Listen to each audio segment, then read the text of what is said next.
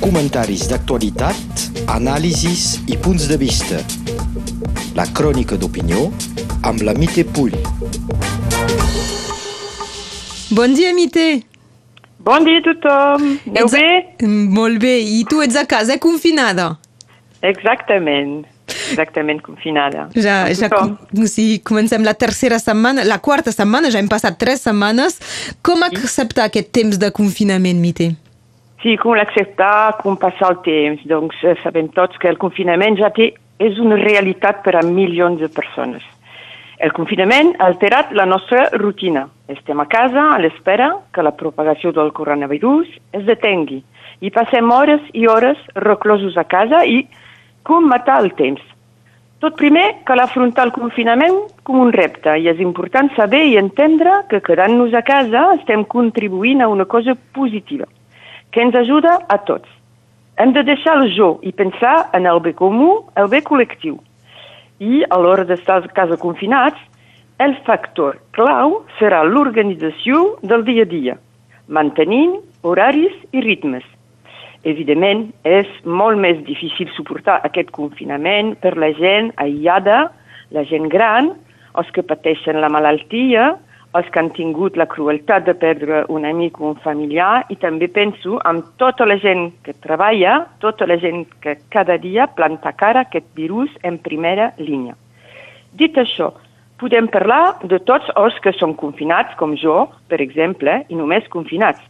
I per això hem d'acceptar les coses com són, no com ens agradarien que fossin, per poder acceptar aquesta situació de forma serena, una situació que ja sabem que és puntual. Com podem gestionar aquest temps de confinament?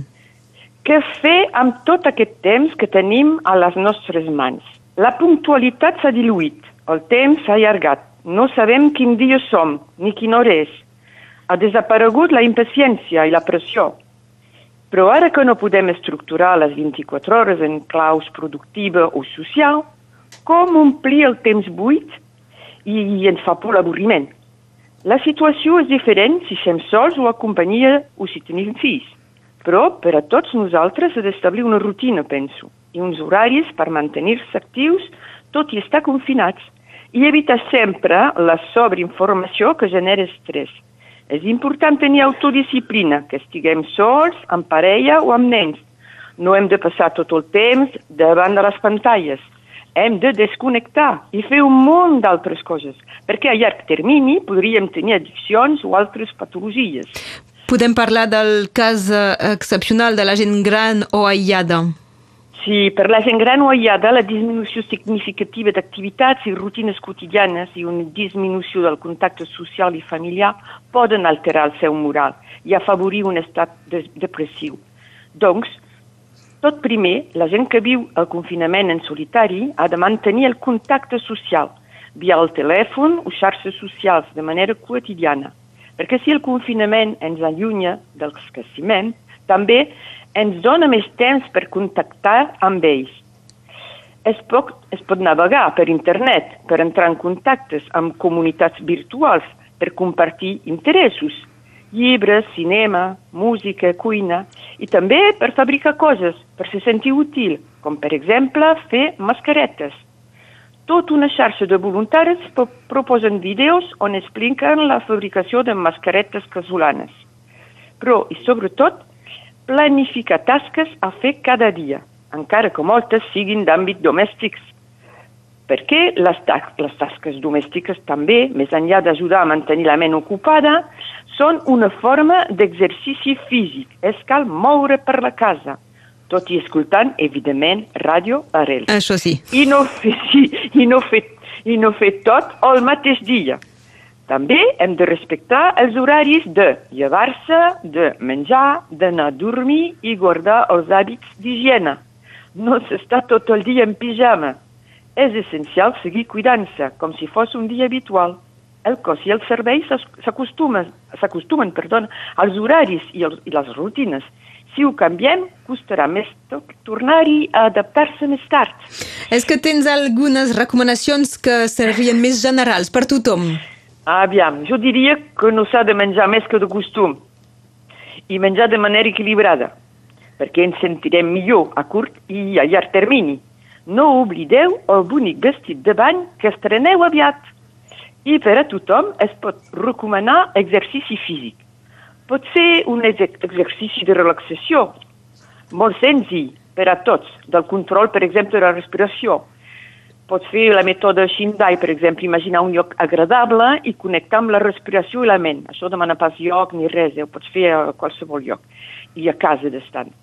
Si no podem sortir de casa, us proposo fer una activitat física, com pujar i baixar escales, caminar per la casa o la terrassa. La xarxa floreix de propostes sobre el tema i aprofitar el temps per fer bricolatge o endreçar el garatge o ocupar-se dins el jardí si tenim la sort d'en tenir un. Si ens adrecem als més joves, al confinament amb, amb nens i adolescents. Ah, el confinament pot ser més difícil pels nens i adolescents perquè cal canviar la rutina. Acabant a l'escola o a l'institut, de jugar al carrer, de córrer, d'anar al parc o de visitar els amics. S'han de canviar les rutines tot evitant els conflictes, establint una rutina que els sigui pròpia. Doncs, en lloc de tot fer a cor cuita, ens podrem entaular tranquil·lament per l'esmorzar i definir uns horaris claus pel dia, amb horaris de deure, de temps de lleures, de temps sols a llur habitació i de temps compartit a ajudar la llar o cuinar o a practicar una activitat física. Evidentment, si no tenim jardí o balcó, l'esbargiment físic és molt limitat, però hi ha possibilitats. I la xarxa també proposa uns vídeos per bellugar sense sortir, com per exemple la Zumba Kids, això ho enviant a, a, la, a la casa. Això sí. Amb els, amb els adolescents és diferent. S'ha de trobar l'equilibri, tot respectant el seu espai propi, que tampoc no ha de ser un espai permanent. Els hi recordar que aquesta situació és per una temporada i que no són vacances, i doncs cal seguir amb horaris habituals d'orientar-se, menjar i estudiar, respectant cap de setmanes amb més activitat de lleures i oci. Cal arribar a pactes i establir normes entre tota la família i els pares s'han de carregar de paciència. Uh, sí, perquè a més és l'edat on se volen rebel·lar contra tot, eh? Exacte. Eh, Mite, pel que fa d'aquest confinament eh, amb, amb parella. Ah, amb parelles. Aquesta crisi tot, tots, tots estem aprenent i espero que tots treurem lliçons. Potser per uns s'acabarà amb muntanyes no regalades, perquè conviure 24 hores sota el mateix sostre pot generar moltes tensions, quan no hi ets acostumat. Em sembla que el millor és que cadascú pugui fer activitats individuals. Si un fa teletreball ja tindrem aquesta sort. Però cadascú pot trobar un lloc específic per airejar-se, per tenir moments personals amb una activitat qualsevol. Les parelles amb fills poden adoptar un sistema de relleu, repartir moment amb els nens i els àpats tots junts. També s'han de repartir i compartir les tasques de la llar, això, evidentment, és necessari en qualsevol època, però encara més quan estem tancats a casa durant setmanes. Tots hem de contribuir. Aquesta situació ens posa a prova. Fa sortir a la llum el pitjor d'alguns de nosaltres, però per la majoria el millor de l'humà.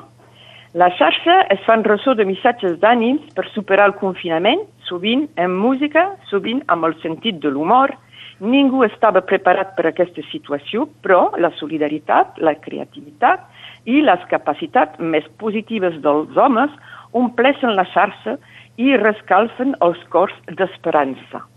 Mite, ara hem vist eh, casos generalitzats de, de les diferents franges, però i tu, com, com el vius aquest confinament? Sabem que tu ets una dona molt activa, sempre ets a fora. Sí, sempre sóc de fora, però també eh, puc trobar coses per fer dins casa. Doncs jo he, he adoptat, diguem, una rutina amb el meu marit i doncs cada dia, diríem, m'hi llevo sempre a la mateixa hora, que a pres, eh, un quart d'hora, mitja hora pres, doncs cap a dos o tres quarts de vuit. I després d'esmorzar, me'n vaig a fer la meva passejada, ma passejada diari dins els camps prop de casa meva, que faci bon temps o que plogui. És igual, eh? Hi vaig cada dia i doncs amb una marxa ràpida. És el moment on deixo la cuina al meu marit, així em prepara el dinar o les coses per fer, després faré la salsa, i també fa les compres, perquè a ell li agrada fer les compres. Llavors, quan torno de la meva passejada, faig un poc d'endreça per la casa, tot i escoltant Radio Rel. Molt bé. Ah, Cada dia a migdia tinc cita amb la família i companys amb un petit cosí que es troba confinat a l'hospital després d'una operació molt greu i d'on no pot sortir i doncs compartim aquest moment de l'àpat amb ell i és un moment de bon humor. És una persona molt, molt positiva. Doncs això és un exemple per mi i per tota la família. Doncs cada dia som amb ell a, a migdia. A la tarda, si el temps ho permet, faig un poc de jardinatge, tallo, planto, netejo amb el jardí, acompanyada amb els cants dels ocells. I si fa mal temps, aprofito per endreçar un armari o el garatge un munt de coses que deixem sempre per fer per manca de temps, o bé preparo un postre, un postre no massa sovint, eh, perquè ens el mengem de seguida. I després, cada dia, em faig un llistat de gent a qui telefonar o prendre notícies, gent gran que sé que són sols, o amics o família, que jo la tinc molt gran perquè tinc tres germans, tres germanes, i doncs ple de nomots i tot. Preparo també deures per als alumnes de la classe de català de la meva associació. Pobrets, pensaven que eren de vacances. Ells també. I jo els atabalo amb els meus exercicis. I sempre que puc envio missatges als amics per xarxa.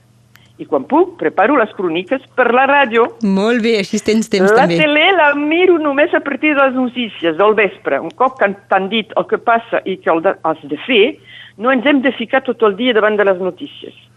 I cada divendres tinc també una altra cita Peró, diguem, la Peró Video, amb les meves germanes i tots els meus nebots, que són un poc per tot arreu de França i d'Itàlia també. Coses que no fèiem abans del confinament. I ara ho trobo això un moment molt, molt preciós. I hem decidit de fer després un gran retrobament a fi d'agost o de principi de setembre amb tota la família. Eh, doncs, I també el divendres, després d'aquest apero video, Uh, tinc cita també amb un concert, el concert de Joan Ortiz, que això fa també cada divendres, doncs veus, eh? Tinc tota una mena de, de coses així que estic seguint cada setmana i, i no pateixo, no pateixo del, del confinament, no m'enyuro tampoc, no em quedo escarxofida al sofà. No. Ja ho veiem, ja. Ben, ben ocupada. Mite Puy, gràcies. Gràcies, adeu. Que vagi bé, adiu. Gràcies. Comentaris d'actualitat, anàlisis i punts de vista. La crònica d'opinió amb la Mite Pull.